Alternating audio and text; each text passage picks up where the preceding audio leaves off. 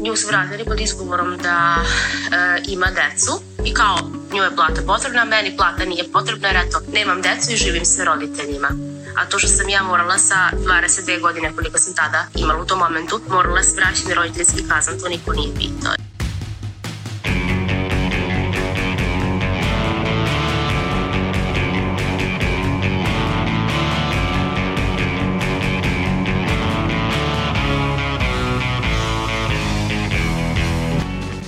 Zdravo!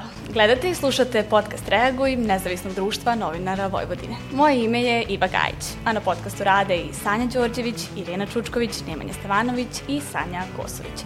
U 52. epizodi podcasta Reaguj govorit ćemo o diskriminaciji mladih pri zapošljavanju, najčešće diskriminisanim grupama, ali i o neumisnim pitanjima koje mladi dobijaju na razgovorima za posao.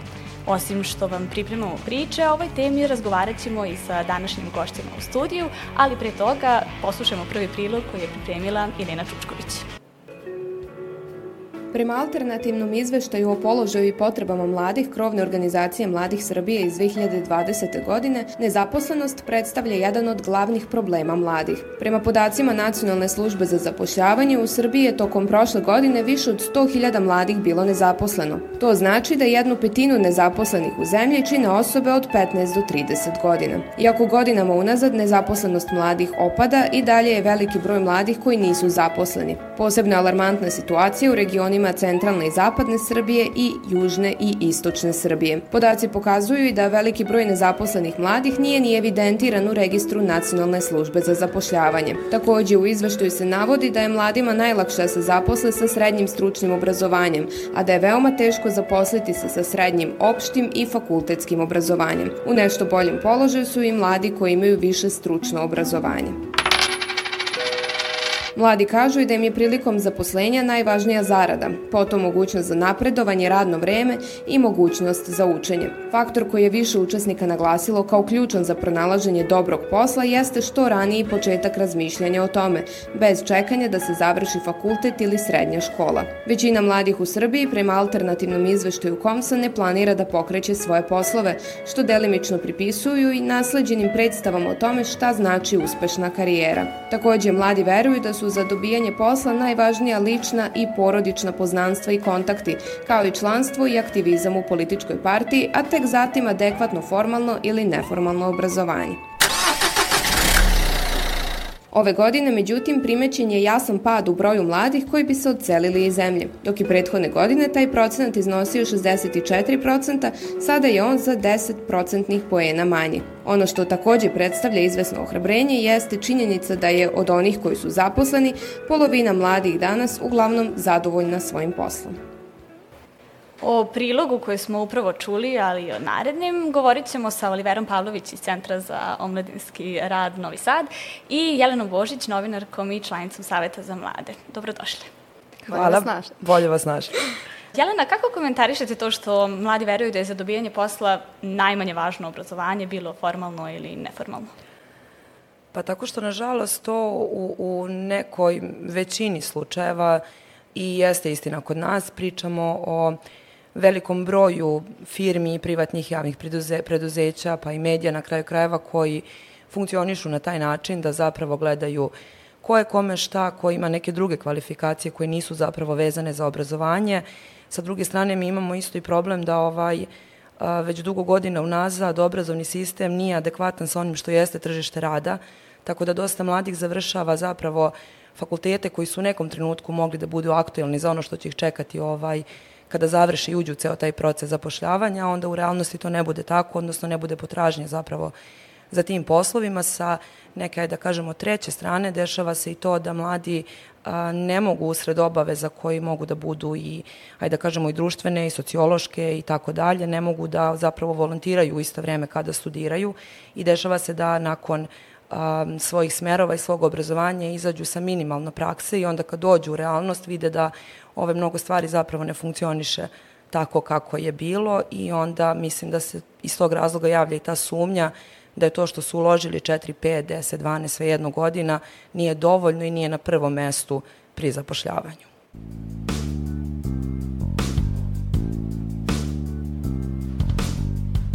Sarita Bradaš, istraživačica iz Fondacije Centar za demokratiju za podcast Reaguj, navodi da su mladi najranjivija grupa na tržištu rada. Mladi su grupa koja ima dvostruko nižu stopu zaposlenosti i dvostruko višu stopu nezaposlenosti.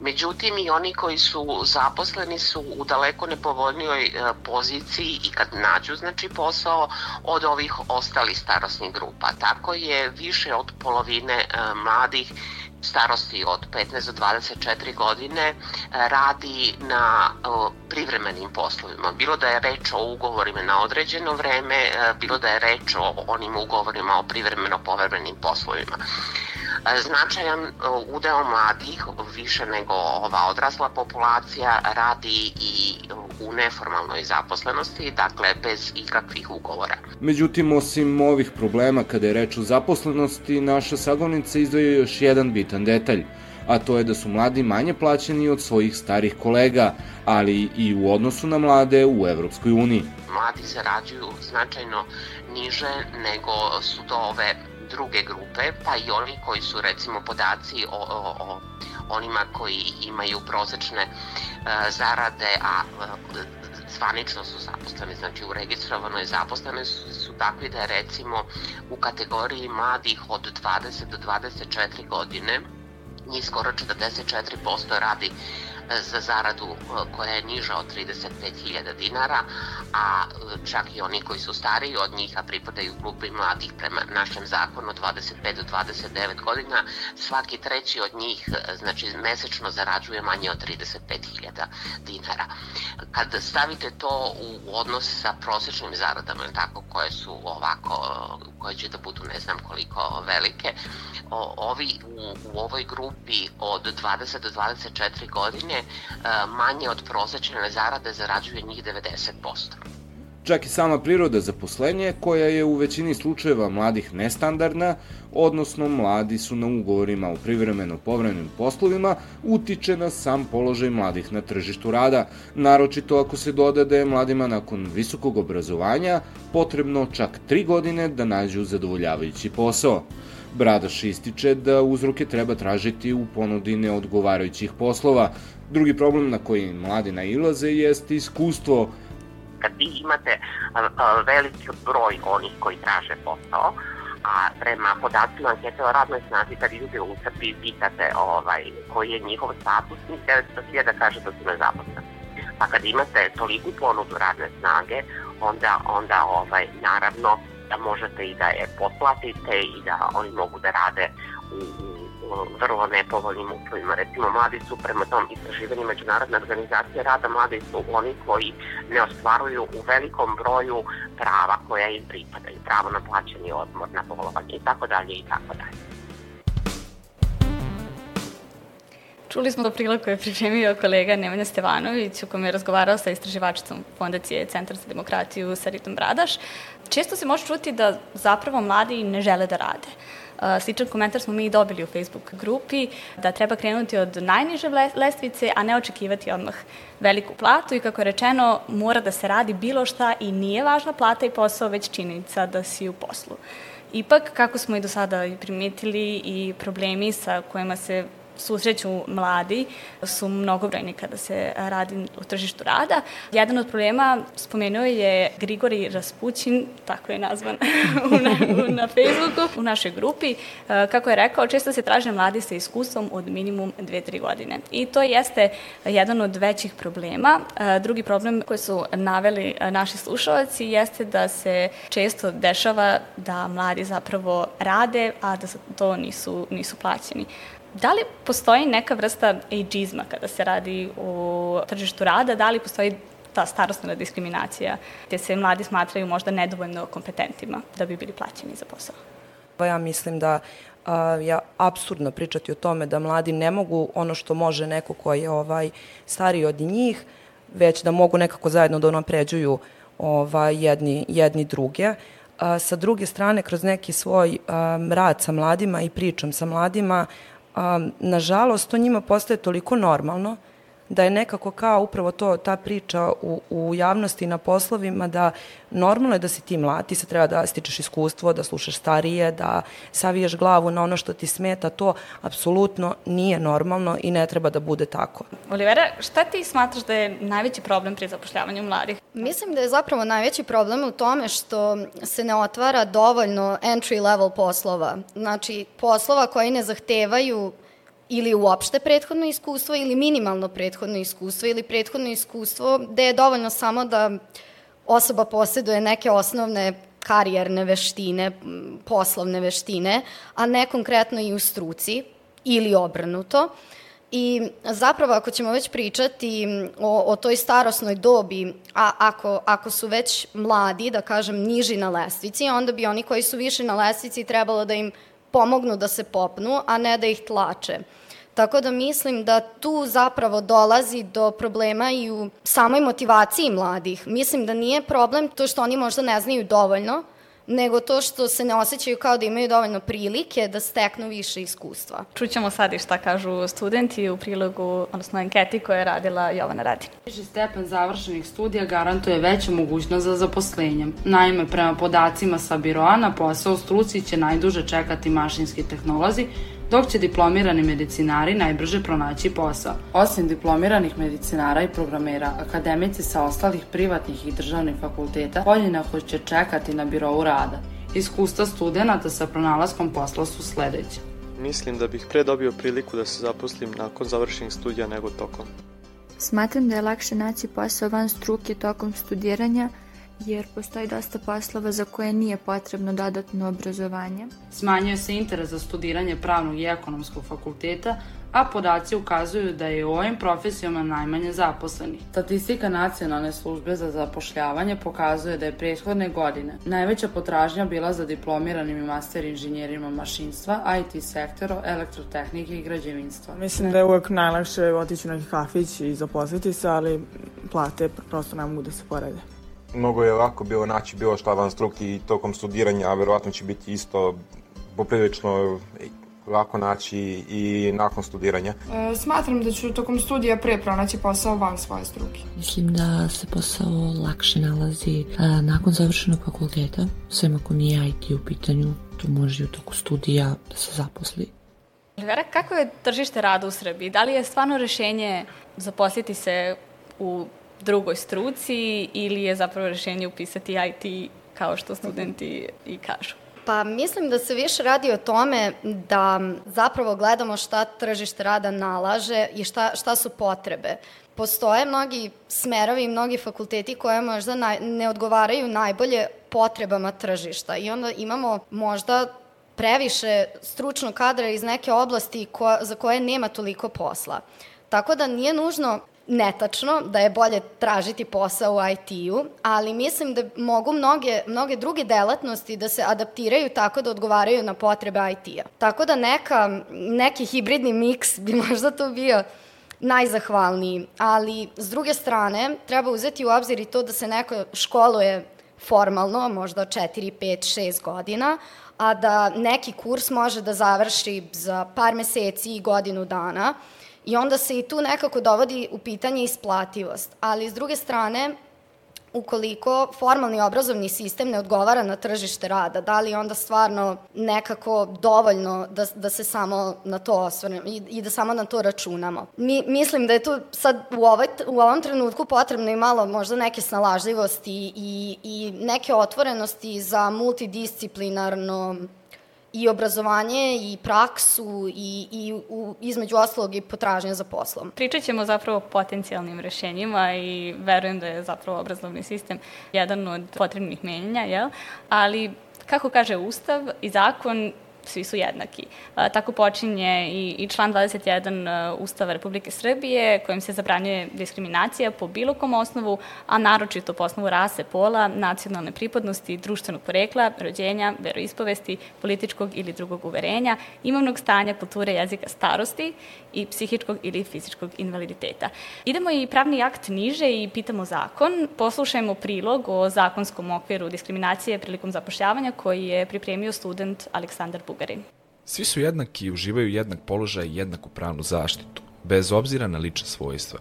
Jedno je od načela zakona o zabrani diskriminacije u Srbiji. Ceo jedan poseban član ovog zakona posvećen je diskriminaciji prilikom zapošljavanja. A šta to sve podrazumeva diskriminacija prilikom zapošljavanja? Diskriminaciju prilikom zapošljavanja prema zakonu o zabrani diskriminacije predstavlja narušavanje jednakih mogućnosti zaposlenja ili uživanje pod jednakim uslovima svih prava u oblasti rada – kao što su pravo na rad, napredovanje u službi, stručno usavršavanje, jednaku naknadu za rad jednake vrednosti i sl. Međutim, u praksi se zakon često ne poštuje, pogotovo kada su u pitanju osobe sa invaliditetom. Prema članu 24 zakona o profesionalnoj rehabilitaciji i zapošljavanju osoba sa invaliditetom, poslodavci na 20 zaposlenih moraju imati jednu osobu sa invaliditetom, dok se sa brojem zaposlenih povećava i broj invalida koji moraju biti zaposleni. Međutim, ukoliko poslodavac ne želi da zaposli osobu sa invaliditetom, mora da plaća na mesečnom nivou iznose od 50% prosečne zarade po zaposlenom u Republici Srbiji. Predsednik Saveza udruženja za pomoć mentalno nedovoljno razvijenim osobama u Vojvodini, Marko Košutić, je prošle godine na jednom od događaja ove organizacije izjavio da ljudi nisu ni svesni s kojom se diskriminacijom osobe sa invaliditetom susreću prilikom zapošljavanja. Češće sa nerazumevanjem e, činjenice da njih u stvari poslodavci ne žele da zaposle, da ljudi imaju strah, da imaju vrlo niska očekivanja, od njihovog postignuća, da smatraju da ne mogu biti produktivni ovaj, na svojim poslovima. S druge strane, oni imaju o sebi percepciju da oni to mogu i naravno motivisani su da to tako bude. Međutim, vrlo je malo e, firmi gde će ljudi da kolegu sa invaliditetom jel, podrže, pogotovo kad je to mentalni invaliditet. Prema zakonu o zabrani diskriminacije u Srbiji, ukoliko poslodavac na bilo koji način diskriminiše svog zaposlenog ili naruši njegove elementarna ljudska prava, on snosi kaznu u iznosu od 10 do 100 hiljada dinara. Kada pogledamo koliko se u 21. veku u Srbiji elementarna ljudska prava uopšte poštuju, postavlja se pitanje da li je ta kazna mala ili je pak velika. Jelena, koliko se ove odredbe zaista primenjuju u praksi? Jako malo mislim da su zaista, nažalost, redka mesta, tako da kažem, nevezano da li su udruženja, da li su firme, da li su mediji, koja ovo primenjuju i dovoljno je da se okrenemo svuda oko sebe. A, mislim da koliko god se dosta stvari iz a, zakona, iz ustava kod nas ne sprovodi, ne može biti nekorisno ako znamo te stvari. Pa i ovo. Ja nisam sigurna koliko mladih, a neko moje mišljenje da i to jako mali procenat zna da ima, opet ima neki zakon koji ih štiti. Opet ima nešto na što može da se pozove ukoliko neka prava budu ugrožena u smislu pa i na nekom, ajde da kažemo, ovaj, tako nekom psihičkom nivou možda neko malo ovaj, zatrese ako kaže, znaš šta, ja imam zakon koji me štiti, ne možeš tako da pričaš ili ne možeš tako da radiš ili mene ovo i ovo štiti ili mene ovo i ovo vređa. Tako da ovaj, negde mislim a, da bi gradili društvo koje je tolerantno i koje ne diskriminiše, mi moramo da krenemo od tih pojedinačnih ovaj, stvari i da ne bi išlo na gore, ja mislim da mi to moramo da krenemo odmah, jer a, jako dugo a, nemamo pozitivnih primera kada pričamo o ovoj temi, odnosno ima ih, ali oni su apsolutno nevidljivi i apsolutno toliko mali da nemaju uticaj na sve ono što se dešava da je suprotno te priče. A koje su grupe najčešće diskriminisane? Pa, pored ove o kojoj smo upravo pričali, osoba sa invaliditetom, često su diskriminisani sami mladi ljudi, mm a diskriminisane su često i žene, koje god staroste dobi. Što se često vidi opet i, i ne moramo da, da imamo to kao povratnu informaciju nekih statistika i istraživanja koja su sprovođene dovoljno da se osvrnemo oko sebe i da pričamo sa ljudima iz, iz svog društva, da vidimo da se svi često susrećemo sa diskriminacijom, pogotovo među omladinom. Tako da je to nešto što, što jeste, kako da kažem, o, ovo pitanje jeste opšte poznato svima, ali se zapravo m, sa strane um, države ne osvrće toliko na potrebe mladih. Nit mladi, odnosno mladi koji nisu zaposleni, mladi koji nisu u procesu sticanja obrazovanja, prepoznati su tek prošle godine od strane države kao posebna kategorija još uvek nisu uvršteni i, i ne, ne gleda se koliko oni zapravo imaju problema sa zaposlenjem. Šta znači zapravo biti diskriminisan? Da li možeš možda da daš neku definiciju toga?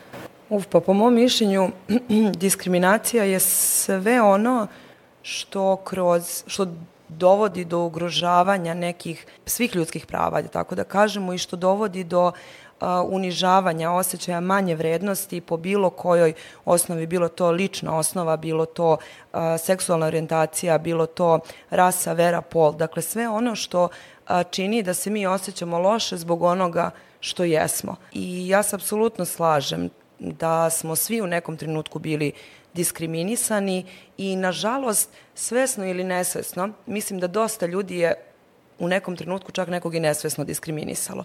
Upravo zbog toga jer nekako čini mi se sve te neke teme koje su nam važne za društvo u kom živimo su nekako tabu teme. I sad ti nekom kažeš bar se meni tako čini, e, znaš, kao, to je diskriminacija, možda je trebalo ovako ili onako, da bi prosto naišao na neki otpor na nešto sad. Nekako u poslednje vreme sam dosta čula da i kažu pretvaramo se u društvo i kao pogotovo u nevladinom sektoru da ne smemo ništa nikom da kažemo.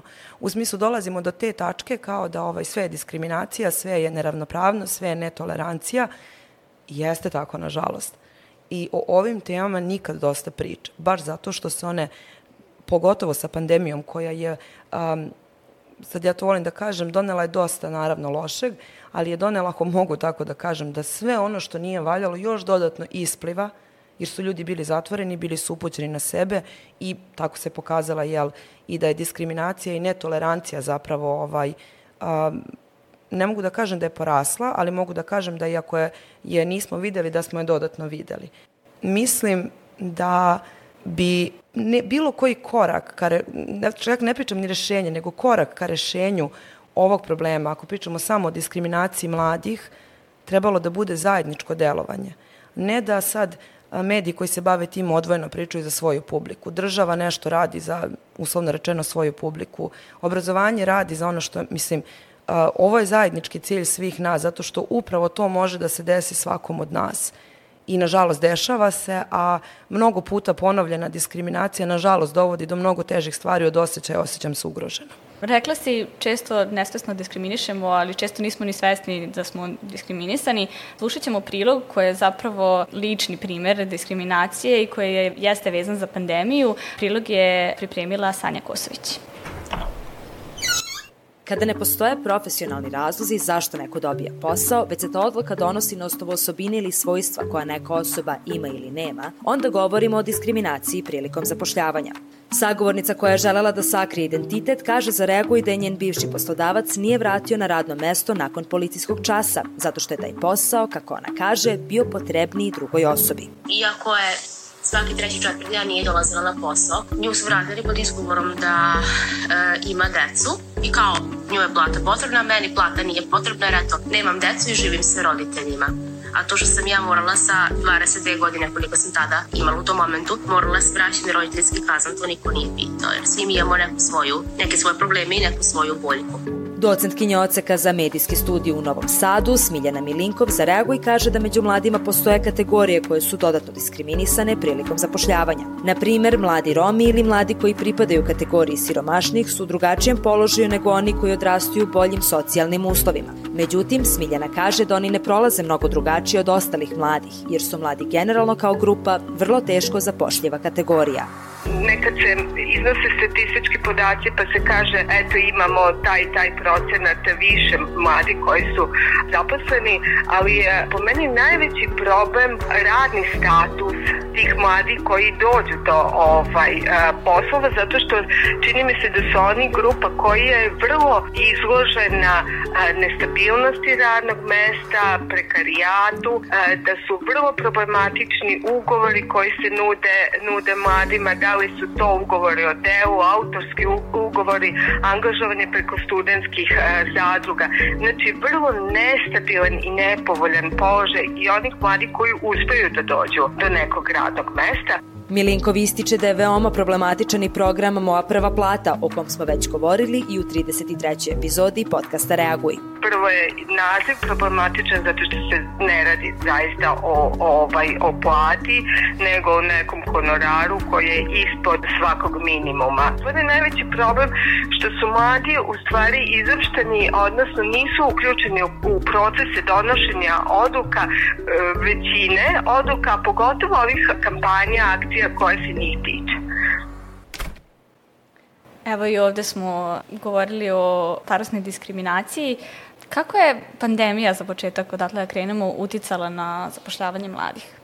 jednako kao što je uticala i na, na sve nas u svim drugim aspektima. O, otežani su nam svi, bili, mislim sad možda je se malo popravila situacija, jer smo se prosto navikli, što je pitanje da li znači da se situacija popravila. Um, ali prosto radnih mesta, pogotovo za nek, neki početan posao, je bilo sve manje i ostalo sve manje i čak i u IT industriji koju konstantno ističemo kao najplodonosniju u, u smislu zaposlenja, bilo je mnogo manje prilika. Uz sve to, generalno je motivacija jako opala i među mladima koji studiraju, i među mladima koji treba da se zaposle, i među mladima koji rade, i između ostalog među svima nama, a taj nedostatak prilika da uh, se krene od nekog da kažem entry level posla ili da se nađe neka praksa koja će zapravo moći da koristi pošto se dosta stvari prebacilo i na online okruženje. Verujem da je jako uticala na samu motivaciju da, da, da, da neko do posla dođe. Pored toga, poslovi su se nekako situirali na, na velike gradove, a ne toliko na, na manje, manje sredine i tu je postala mnogo veća konkurencija. Ono što se takođe dešava je da mnogi mladi i, i tokom procesa selekcije kada pošalju svoj CV, motivacijono pismo, portfolio, ne dobiju, ili ne dobiju odgovor ili tokom intervjua um, se opet ne osjećaju kao da je to neko sigurno okruženje za njih. Tako da verujem da to još dodatno doprinosi nedostatku motivacije, pored svih ovih ostalih stvari. Evo, baš si pomenula intervju. Koja su najčešća pitanja koja su problematična na tim intervjuima za, za posao? Pa neko koja ja mogu da izdvojim, koja ovako sam ja, kad sam pričala sa mladima i koje su, ja slažem sa njima, vrlo problematične, recimo, ako je žensko u pitanju, da li planiraš porodicu u budućem periodu, Um, sa druge strane, m, dešavalo se i da mlade pitaju uh, ukoliko rade dva posla ili još nešto honorarno, kolika su ti primanja na tom drugom poslu, pa se dešavalo da ovaj, upravo oko tih ugovora i ostalo da se na početku na intervju pita da li ti je okej okay da ovaj volontiraš bez ikakvog ugovora ovaj na početku i mislim prosto u situaciji da se ti zatekneš. Mislim ako te neko pita došao si na razgovor za posao, znači ti posao treba i da te neko sad pita jel može šest meseci bez ikakvog postojanja da si ovde jeste situacija u kojoj treba da se okreneš i da izađeš, ali sa druge strane svi znamo da je realnost mnogo drugačija, odnosno da neke životne okolnosti ne mogu svima da obezbede da se okrenu i odu sa mesta koje im ne odgovaraju. Jelena, i ti si rekla i Smiljana Milinkov je napomenula da mladi često ne znaju kakav ugovor potpisuju. Svakako jedan od prvih koraka ka rešenju jeste obrazovanje, ali sad ćemo čuti prilog koji je pripremila Sanja Đorđević o potencijalnim rešenjima. Pre 45 godina policajac je bio otpušten zbog homoseksualnog čina, po članu austrijskog zakona koji je danas poništen. Nikad više nije bio zaposlen u policiji i njegova penzija je bila umanjena za četvrtinu. Pre 12 godina bivši policajac je podnao zahtev za naknadu izgubljene zarade i nematerijalnu štetu, koju su ministri unutrašnjih poslova i financija odbili. Predmet je potom predat Vrhovnom upravnom sudu. Slučaj je dobijen. Ono što je pomoglo ovom policajcu jeste Evropska konvencija o ljudskim pravima i direktiva Evropske unije o zapošljavanju. Pa kako se diskriminacija prilikom zapošljavanja rešava u Evropskoj uniji? Hotelski lanac Accor je uveo poseban projekat Handicapped, preko kojeg osobama sa invaliditetom nudi zaposlenje za stalno. Obezbeđuje osposobljavanje za zaposlene sa intelektualnim, fizičkim i slušnim smetnjama, te na taj način pokušavaju da podignu kvalitet komunikacije sa gostima sa oštećenim sluhom. Izdali su više priručnika kao što je, na primer, invaliditet u mom preduzeću. Pored toga, osobama sa invaliditetom nude normalne uslove kao što su pristupačnost soba, kupatila i liftova.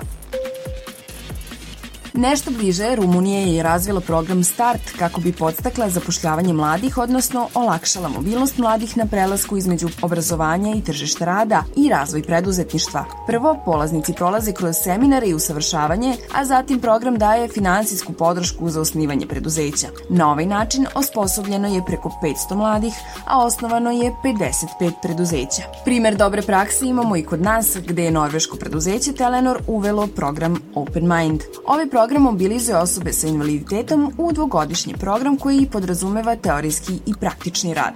75% uključenih u ovaj program se redovno zaposli, navodi se u publikaciji Dobre prakse, mere protiv diskriminacije pri zapošljavanju, Evropska unija, Srbija i region Zapadnog Balkana, Nataše Velkonje. Olivera, koje bi rešenje ti preporučila? Do, dobar tajming za ovaj preporuku rešenja pošto Centar za omladinski rad trenutno a, sprovodi regionalni projekat Zero to Hero, koji za cilj ima povećanje zapošljivosti mladih i odgovaranje na potrebe tržišta rada, a, gde u, u sklopu obuke imaju priliku da steknu, a, pored digitalnih veština, i um, nekih mekih veština, karijerno vođe, da prođu kurs karijernog vođenja i savetovanja i nakon toga čak i kurs uh, preduzetništva. Jelena, je li imaš ti neko rešenje? Pa, ajde ovako ću reći. Uh, ja mislim da je mladost predivna, baš zato što može da menja, može da isprobava, mislim, ne kažem to odmah da, mislim to i za starije, ali prosto ovaj, nekako na svom primeru. Sva ta diskriminacija i sve to ostalo i neki užasni uslovi rada i neke stvari koje nisam volela i ta priča da posle studiranja ne možeš da radiš ono što ovaj, što si završio je nekako pala u vodu kad sam ja rešila da preuzmem stvar u svoje ruke. A to znači možda na prvom poslu ne bude dobro. Nema veze, menjaj, idi na drugi, pričaj sa ljudima. A, možda ne možeš nekome na poslu da se požališ, ali možda možeš nekome ko misli isto kao i ti. Nema veze ako to što studiraš nije ono što hoćeš da radiš. Nema veze ako hoćeš da promeniš fakultet i nema veze ako prvi, drugi, treći put nije kako treba, biće. Samo mislim da ni u jednom trenutku, koliko god bilo teško, ne treba pristajati ni na šta što nije poštovanje dostojanstvenog rada. A, moj savet je da nekako, ako treba da dam jel, neki koji je onako malo opipljiviji, da istražuju dok studiraju i nakon studiranja. Ima toliko neformalnih stvari koje su besplatne, koje su dostupne i sve te neke veštine i znanje mogu da se uklope u nešto. Ovim kratkim motivacijonim govorom mi završavamo 52. izdanje podcasta Rego i kojem smo govorili o diskriminaciji mladih pri zapošljavanju. Hvala vam što ste bile naše gošće. Hvala vam. Hvala vam. Slušamo se već sledeće srede, a do tada ne zaboravite da čekamo na vas. možete nas pratiti na društvenim mrežama, na Facebooku, Twitteru, Instagramu i TikToku, a mi čekamo vaš vaše komentare i predloge tema i to na adresi podcast.ndnv.org. Podsjećamo vas da će ova epizoda već sutra biti dostupna i u audio formatu. Naš rad možete pratiti na kanalima na iTunesu, Stitcheru, Castboxu, Sounderu, Google podcastima, Spotifyu, kao i na sajtu podcast.rs.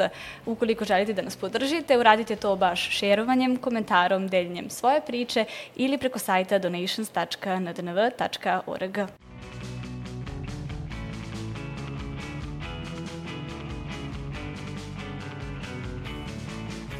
Ova epizoda podcasta realizovana je u okviru kampanje delegacije Evropske unije u Srbiji povodom Dana Evrope 2021. godine zajedno sa EU Infokutkom Novi Sad.